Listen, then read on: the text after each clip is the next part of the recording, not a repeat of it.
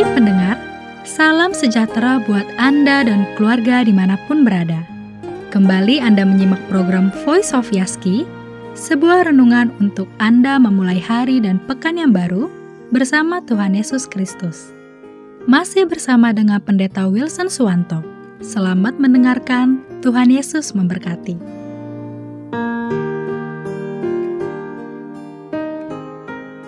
Saudara yang terkasih, Yohanes 15 ayat 5, Yesus berkata, Akulah pokok anggur dan kamulah ranting-rantingnya.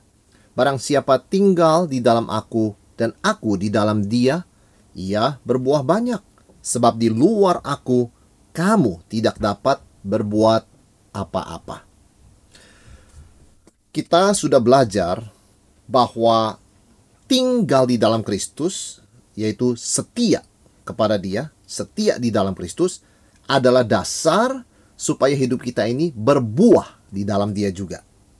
Jadi setia, faithful itu adalah fondasi dari fruitful.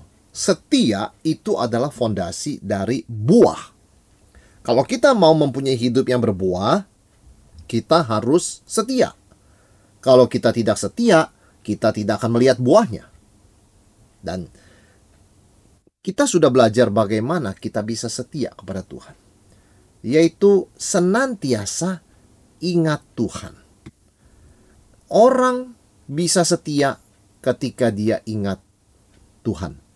Sebagai contoh, ketika kita menonton sebuah pertandingan sepak bola, sebagai contoh dalam Piala Dunia ini, katakan ada seorang anak Tuhan yang mencetak gol. Sering kita lihat apa yang dilakukannya, dia berlari ke pojok lapangan, dia menengadah ke langit, dia mengucap syukur, dia ingat Tuhan.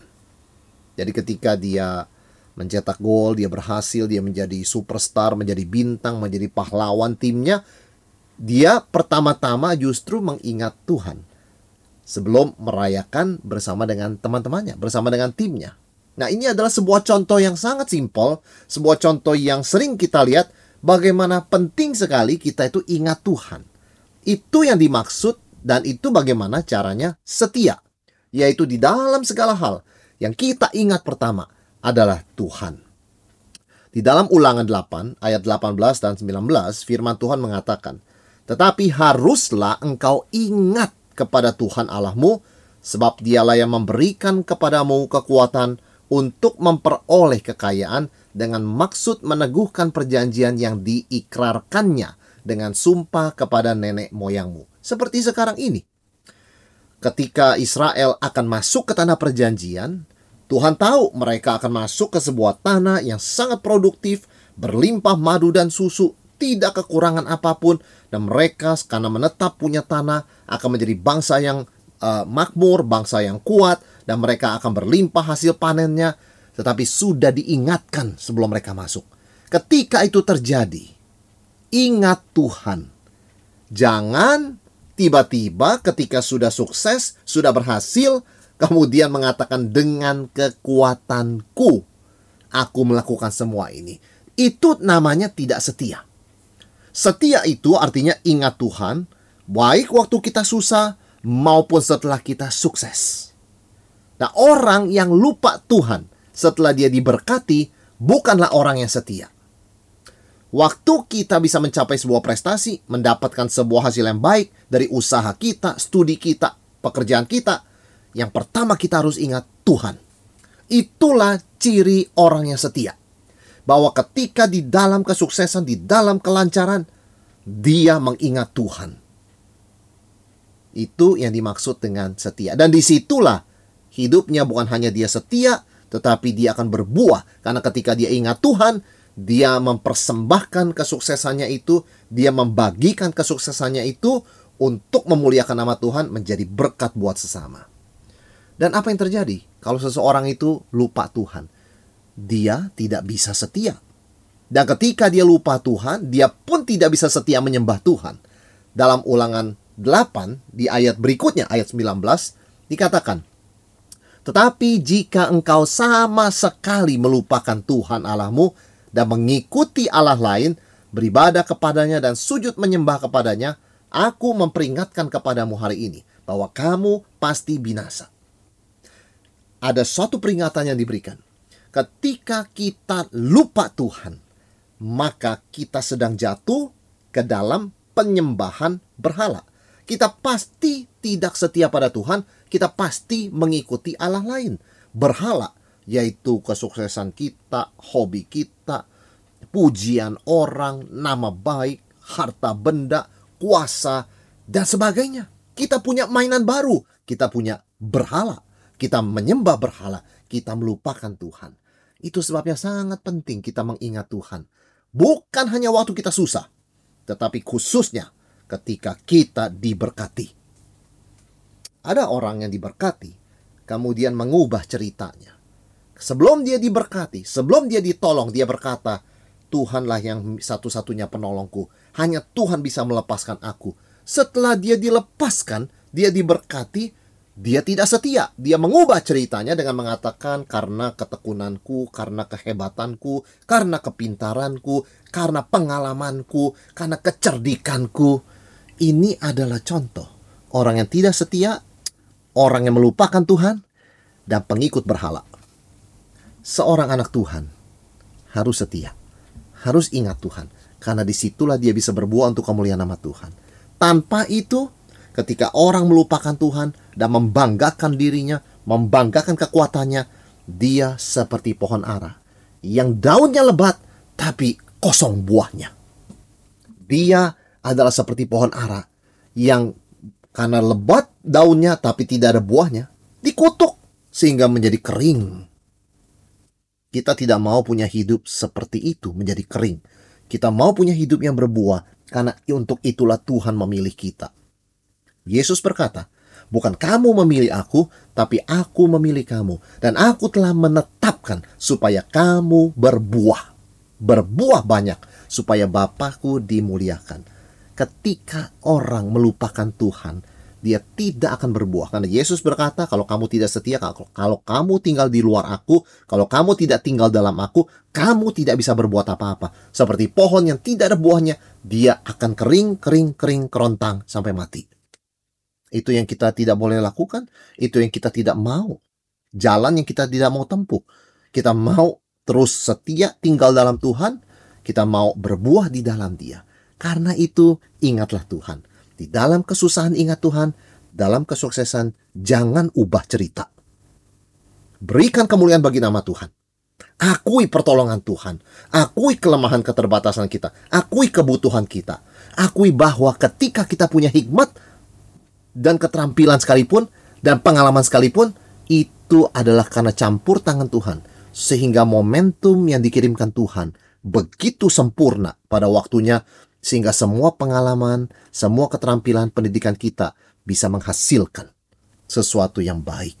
Tanpa momentum yang Tuhan kirimkan, pengalaman kita, keterampilan kita, kepintaran kita akan menjadi nol besar. Tidak ada artinya. Nah ini yang pertama, kita sudah bicara, kita belajar, kita mendengar. Ingat Tuhan, itulah dasar kita bisa setia. Yang kedua, kita tetap secara sadar tinggal dalam Kristus. Apa artinya tinggal dalam Kristus selain setia? Saudara, dunia ini penuh dengan godaan. Selalu mau menjauhkan kita dari Tuhan dan kebenarannya. Artinya dunia ini menawarkan puji-pujian, menawarkan godaan supaya kita itu tertarik mengikuti pendapat banyak orang, menjadi populer supaya kita disukai. Dan situ kita merasa betapa nikmatnya hal-hal duniawi ini, betapa nikmatnya pujian orang-orang di dunia ini, dan kita merasa bahwa Tuhan itu tidak lagi menarik, sorga itu tidak lagi menarik, firman Tuhan tidak lagi menarik, hidup kekal itu seperti abstrak dan di awang-awang, tidak menarik. Di situ kita mulai menjadi tidak setia kita mulai tergoda untuk mengubah ajaran Alkitab supaya kita bisa meneruskan kenikmatan duniawi kita. Dunia mengajarkan misalnya semua jalan bisa ke sorga. Nah, kalau kita ingin populer dan disukai, kita bisa mengatakan ya, semua ajaran, semua agama, semua filsafat, semua moral itu sama saja bisa menuntun kepada hidup yang kekal, kepada sorga. Jelas ini adalah sesuatu yang salah, tidak sesuai dengan Alkitab. Tapi di situlah kita mulai meragukan firman Tuhan, di mana Yesus mengatakan dengan jelas, akulah jalan dan kebenaran dan hidup. Tidak ada seorang pun sampai kepada Bapa kalau tidak melalui aku. Ketika kita melupakan ini, kita bisa menyimpang dan kita dengan mudah kompromi. Demikian juga ketika dunia menawarkan kedagingan, hawa nafsu, keinginan mata, keangkuhan hidup, dan berbagai keinginan. Kita tergoda dan kita mulai mencocokkan ayat-ayat Alkitab tanpa sadar supaya bisa memenuhi keinginan duniawi kita itu. Saudara yang terkasih, Alkitab penuh dengan hukum Tuhan dan janji Tuhan. Namun ketika kita tergoda oleh hal-hal duniawi, kita cenderung hanya membaca janji Tuhan dan pura-pura tidak tahu ada hukum Tuhan.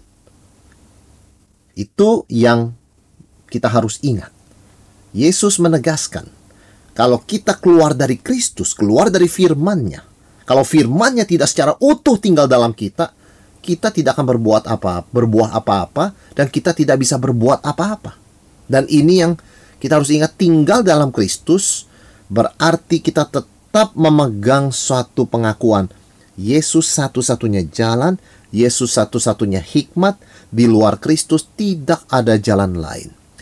Kita boleh update dalam teknologi, menggunakan teknologi terbaru, tetapi jangan mengadopsi cara pikir dan sikap hati dunia ini. Karena di balik teknologi yang maju sekalipun, aja semacam spirit independen. Nggak perlu Tuhan, tidak perlu sesama, dan ujung-ujungnya tidak perlu Tuhan. Tidak perlu iman. Yang ada hanya dirimu. Dan pada akhirnya, diri sendiri pun hilang ditelan oleh teknologi. Nah ini adalah sesuatu yang sangat berbahaya, sesuatu yang bisa membuat kita melupakan Tuhan, dan tidak setia kepada Tuhan.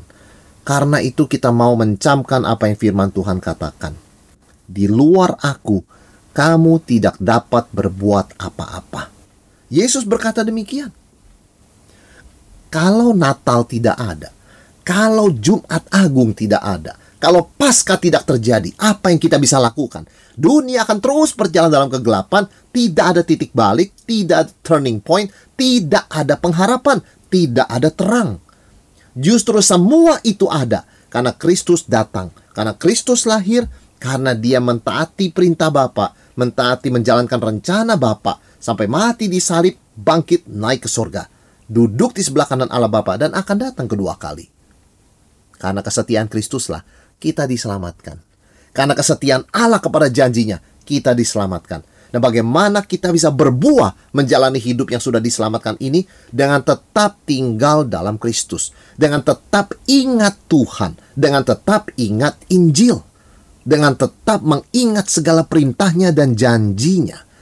Dan kita tidak mau dipengaruhi oleh hawa nafsu dan godaan dunia ini. Apa pun yang dunia katakan, kita terus memegang kebenaran firman Tuhan dan itulah yang disebut dengan setia dan itulah dasar bagaimana seseorang bisa berbuah banyak. Ketika seorang anak, sebagai contoh, seorang anak yang bersekolah, yang kuliah tidak setia di dalam bidang studinya, dia terus berganti bidang studi. Apa buahnya? Dia tidak mendapatkan gelar apa pun. Dan pernah terjadi ada seorang anak yang dikirimkan ke luar negeri. Setiap tahun dia berkata pada orang tuanya, saya bosan dengan jurusan ini. Saya mau ganti jurusan. Berturut-turut tiga tahun dia ganti jurusan. Sementara teman-temannya sudah lulus dan kembali ke Indonesia. Dia masih belum lulus dan orang tuanya merasa sia-sia mengirimkan uang setiap bulan begitu banyak. Pada akhirnya setelah lima tahun, dia belum mendapat gelar apa pun. Karena tiga tahun pertama dia terus-menerus mengganti jurusan tidak setia. Tidak setia sama dengan tidak ada hasil.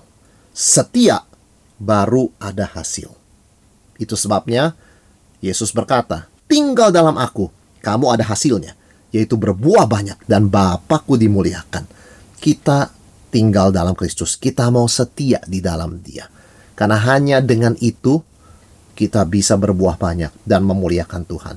Apa yang Tuhan sudah percayakan pada saudara dan saya?